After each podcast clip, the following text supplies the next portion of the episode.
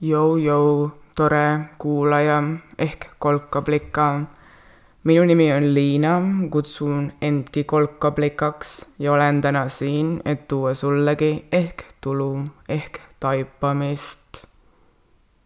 ma istun siin üleni musta riietatutena, päike nagu ma olen, oma valgustusliku hetke ootamise nurgas ja jäin mõtlema enne, kas äh, me kõik elame ühte elu või on meil kõigil oma elu. just oli déjà vu. kas meil on kõigil kõigi peale üks elu, mida me jagame või on meil kõigil omaette ainult minu elu? mis sa arvad? ma kaldun arvama, et me kõik siiski elame ühte ja sama elu. kuigi noh, võib jääda tunne, et äh, noh, ma saan tegelikult aru ka, kust väga hästi jääb kogu aeg tunne, et meil on nagu elu, mida omada, internet ju röögib ja noh, internet peamiselt röögibki, et äh, umbes Samüku, võta kontroll oma elu üle või äh, muuda oma elu või noh, alusta homme uut elu, nagu sul oleks nüüd veel mitu tükki võimalust teha, siis võiks ju nagu mitu korraga ka olla. ja noh, mõni vaata, mõtlebki, et on vaata salajased elud, umbes mingid äh, inimesed, kes petavad ja elavad mingeid topeltelusid ja noh, see on ka alati teise mulje pealt, et tal on kaks elu, ta ise on ju nagu väga ühtne oma elus. teab väga hästi, et ta kahte eri asja korraga ajab mind nagu häirib selle mul on elu puhul vist see või noh, tekitab segadust see küsimus, et kus hetkel ta siis nagu teisega normaalselt kokku puutub või? mõistad või? noh, et kui ma ei tea, mul on äh, siin see kott seal riiuli peal ja noh, see on ainult minu kott, ma oman seda kotti, siis äh, ma ju ei eelda, et sa tuled ja võtad mul selle koti või teed sellega midagi või noh, samamoodi me ka teame, kõigil, kellel on olnud õed ja vennad, et siis, kui nad tulevad ja võtavad, sa oled nagu mingi, mis mõttes? ja ma nagu ei näe, et minu elu oleks sihuke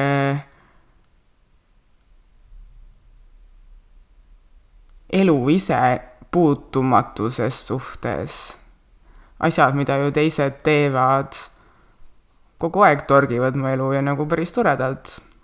vahel ka nagu veits häirivamalt, aga noh, lõppkokkuvõttes ikkagi ju lahendatavalt. ja, ja muidugi elu puutumatus nüüd tuli kohe üles. ja noh, me ütleme tõesti ka, et äh, kui keegi tapab kellegi, et siis ta võtab talt elu nagu tal oleks öö, oma mingi noh, elu, mida omada, on ju. võib-olla peaks hoopis ütlema siis, et ta võtab ta elust. enne oli elus, nüüd on elust läinud, elust võetud. seda ei tohiks teha mitte mingil juhul muidugi. ma, sest ma arvan, kui sa oled juba elu, elusse kord sisenenud, siis oleks tõesti tore, kui keegi teine, kes sinnasamasse elusse samaväärselt sisenenud on, sinu elu ei võta, on ju. või see on umbes sama nagu noh, näiteks võrdlus, et mul on disko või ma olen diskol. mis sa arvad, kumb on nagu mõnusam? Noh, meile õpetatakse muidugi omandi seda ahnust ja et hullult on vaja kõiki asju omada ja kes ei tahaks olla mingi peokorraldaja või diskomaja omanik ja siis kõik ju raha voolab sinuni, mida inimesed seal, ma ei tea, maha joovad või tantsivad ja blablabla bla.. aga noh, kokkuvõttes tegelikult on ju toredam ja rahulikum olla diskol ja okei okay,, alguses võib ka olla veits piinlik ja või nagu ebamugav ja sotsiaalne ärevus ja blablabla bla aga kui lased endal lõdvalt võtta, siis ongi ju täitsa mõnus, jalg tantsub ja tantsub ma ei tea, mis sa arvad?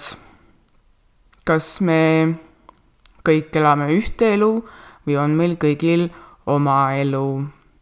ma ikka jah arvan, et alustades tulnukatest ja minnes läbi äh, Tšaadi tolmukõrbe ja monsteerade ja jõudes siis meieni, inimesteni, meil kõik on nagu üks ühtne elu, kus me oleme kõik samal ajal kaasaegsed, korraga ühes elus. selles mõttes on lihtsalt minu arust nii palju rohkem võimalusi sees. Võimalusi põimumiseks ja kudumiseks ja üheskoos nii hävitamiseks kui loomiseks. sest siis suht ruttu niimoodi mõeldes minu arust sa jõuad järeldusele, et äh, me oleme nagu siin kambakesi, mitte üksinda üksteisega võistlemas. üks äh,, üks teine asi, teine asi, mille peale ma olen mõelnud viimasel ajal, niisama nagu vahelduseks on see, et mis mis lõh-, kuidas lõhnab viha, mis lõhna on viha me kõik teame ju, et me ei tea armastuse värvi, on ju. aga et mis lõhna võiks olla viha?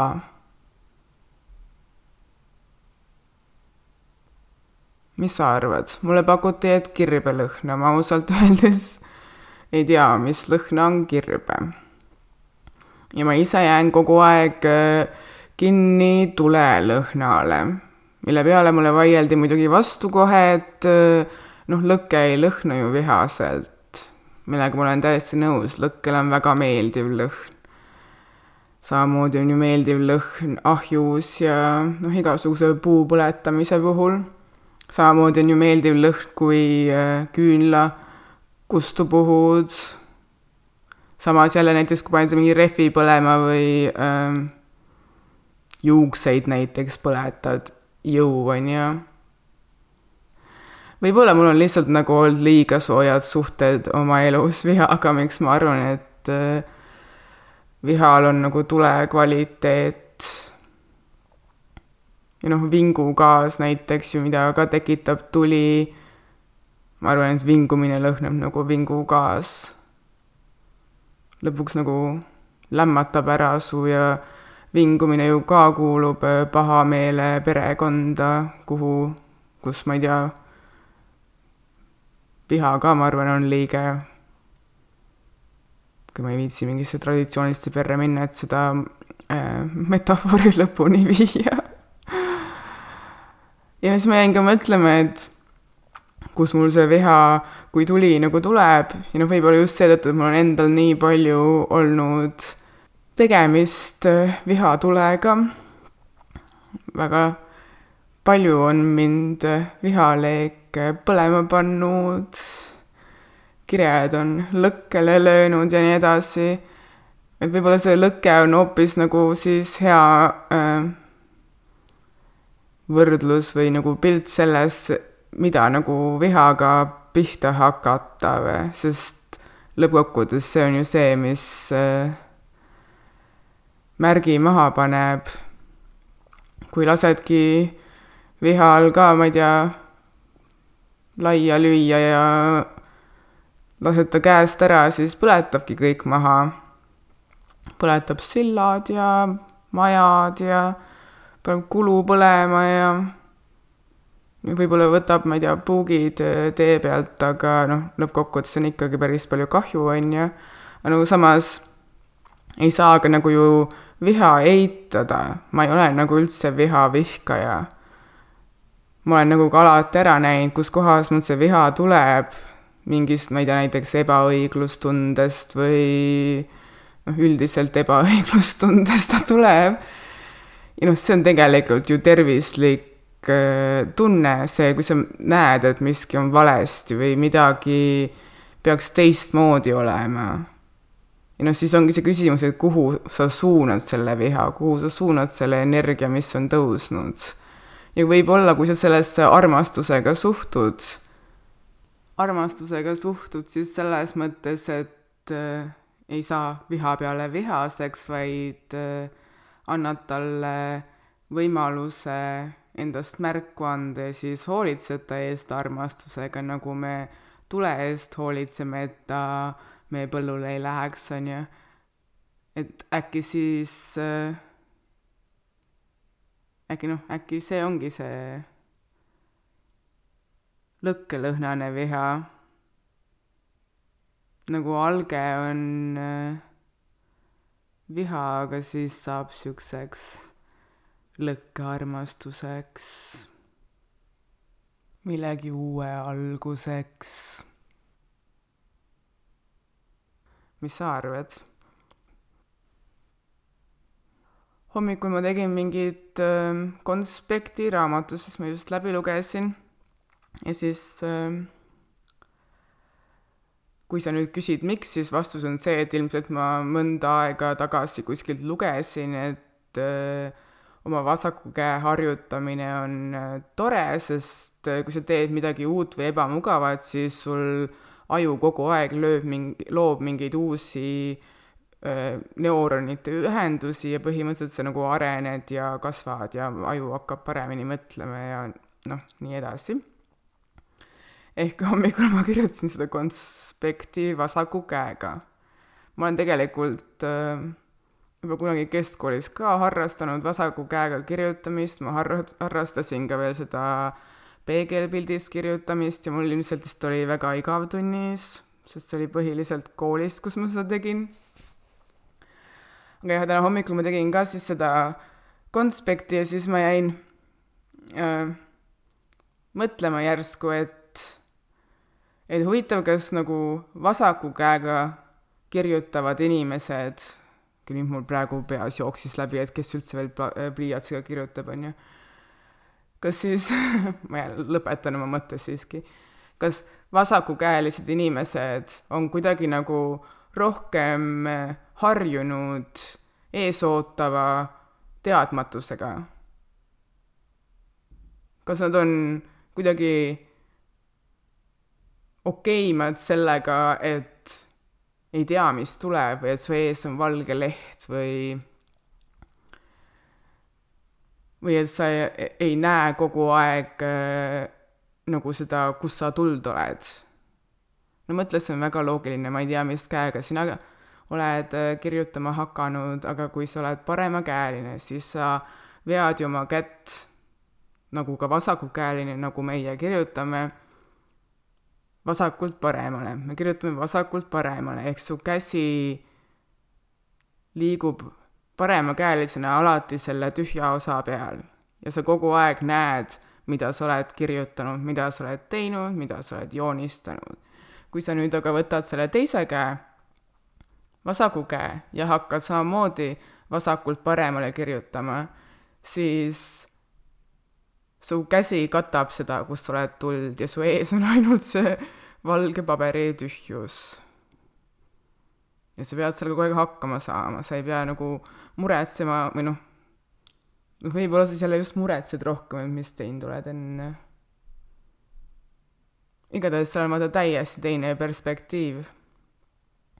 ja mul on nagu tunne ka, et me nagu istume seal vaatega minevikku äh, natuke liiga palju. kas siis sellest perspektiivist, et mõtleme, et vanasti oli kõik nii palju parem ja äh, juhuum, või siis äh, mõtleme just, et äh, või noh, otsime neid põhjuseid, et miks kõik hakkas nii nagu valesti minema, umbes nagu see põhjuse teadmine kuidagi nagu aitaks hetkeolukorda lahendada, on ju. Võib-olla, ma ei tea, vasakukäelised inimesed, kui ma nüüd teile täiega liiga teen oma täna hommikuse katse avastustega, siis andke teada, aga võib-olla nagu siis vähemalt sümboolselt äh, võiksime kõik rohkem natuke vasaku käega kirjutada. ja seda nii potentsiaalse vasakukäelise inimese, kes saab hakkama tuleviku teadmatusega, sest tal on ilmselt tekkinud mingisugune usaldus selle vastu, et mida iganes ta oma käe all on juba kirja pannud, on äh, okei okay, küll, ei pea minema tagasi vaatama, et kas läks õigesti või ei pea omama kogu aeg kontrolli selle üle, et kõik on õigesti läinud. nii sellest aspektist kui ka võib-olla sellest, et äh, me paremakäeliselt ka üritame natuke rohkem vasaku käega kirjutada. ehk teha mingeid asju, mida me nagu arvame, et me ei oska teha ja ilmselt ei oska ka, sest no need varese jalad on mul ka ikka nagu väga, väga ilusad, aga nad ongi ilusad, see ongi vist see point. teha asju, mida me ei oska, viib ju nagu mugavustsoonist välja ja mugavustsoonist väljas olles, kui on ebamugav, kõhe ja nõme, seal toimub alati mingi muutus. ja see on ka eriti vasaku käega kirjutamise puhul, sest miks peaks minul paremakäelisel inimesel, kes tegelikult enamuse ajast üldse kasutab mõlemat kätt trükkides kirjutamiseks, on ju, miks peaks mul olema vaja äh, oma teise käega kirjutada. no mina isiklikult arvan, et jumala hea põhjus juba on see, et mul ajus need uued neuronite teed tekivad ja siis aju saab trenni ja treenitud aju on tavaliselt äh, talutavam aju. pluss peale selle ma arvan, et nagu tehes mõttetuid asju või asju vahelduseks, millel ei ole nagu mingit eesmärki, vaid see on see koht, kus nagu tulevad need uued ideed. see on see koht, kus sa nagu tõestad endale, et see teadmatus tegelikult ongi talutav. et see teadmatus alguses tundub tõesti nagu tühi leht, aga varsti on seal juba mingi laiguke ja siis varsti tuleb seal mingi veel teine laiguke. ja siis sa varsti mõtled, et kuidas ma üldse suutsin elada nende laigukesteta oled järsku mu laigukestest nagu nii vaimustuses, sest noh, tõesti lahe. niimoodi sünnib rõõm tühja koha pealt. ja lõpetuseks ma tahaksin jagada sinuga oma tänase päeva tipphetke. ma pean nüüd natuke kohe mõtlema, mis mu tipphetk oli siis. sa mõtle ka mis oli sinu tänase päeva tipphetk?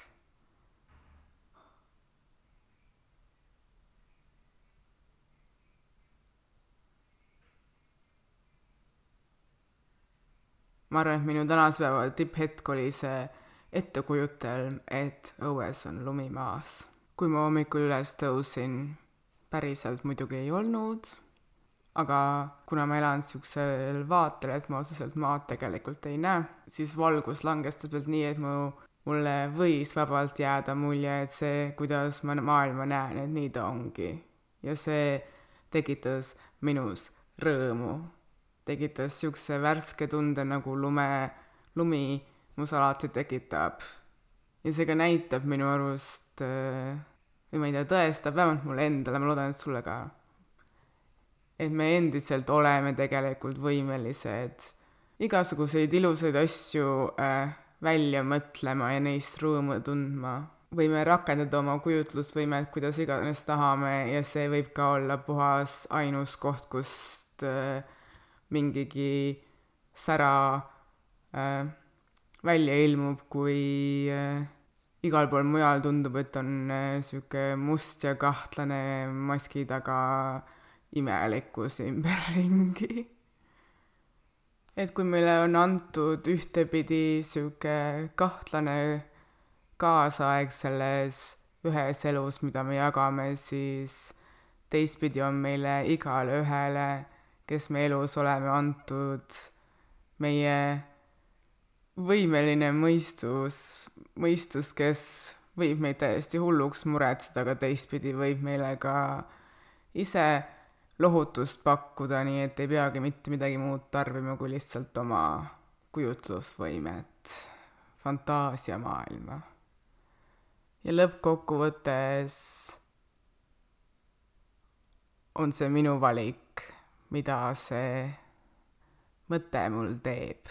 kas ta mõtleb maailma toredaks kohaks ja loob seega toredust juurde või mõtleb ta maailma nõmedaks kohaks ja loob seega nõmedust juurde.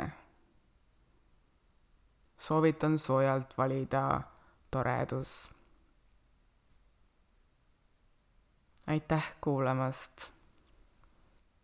Daily Newsletter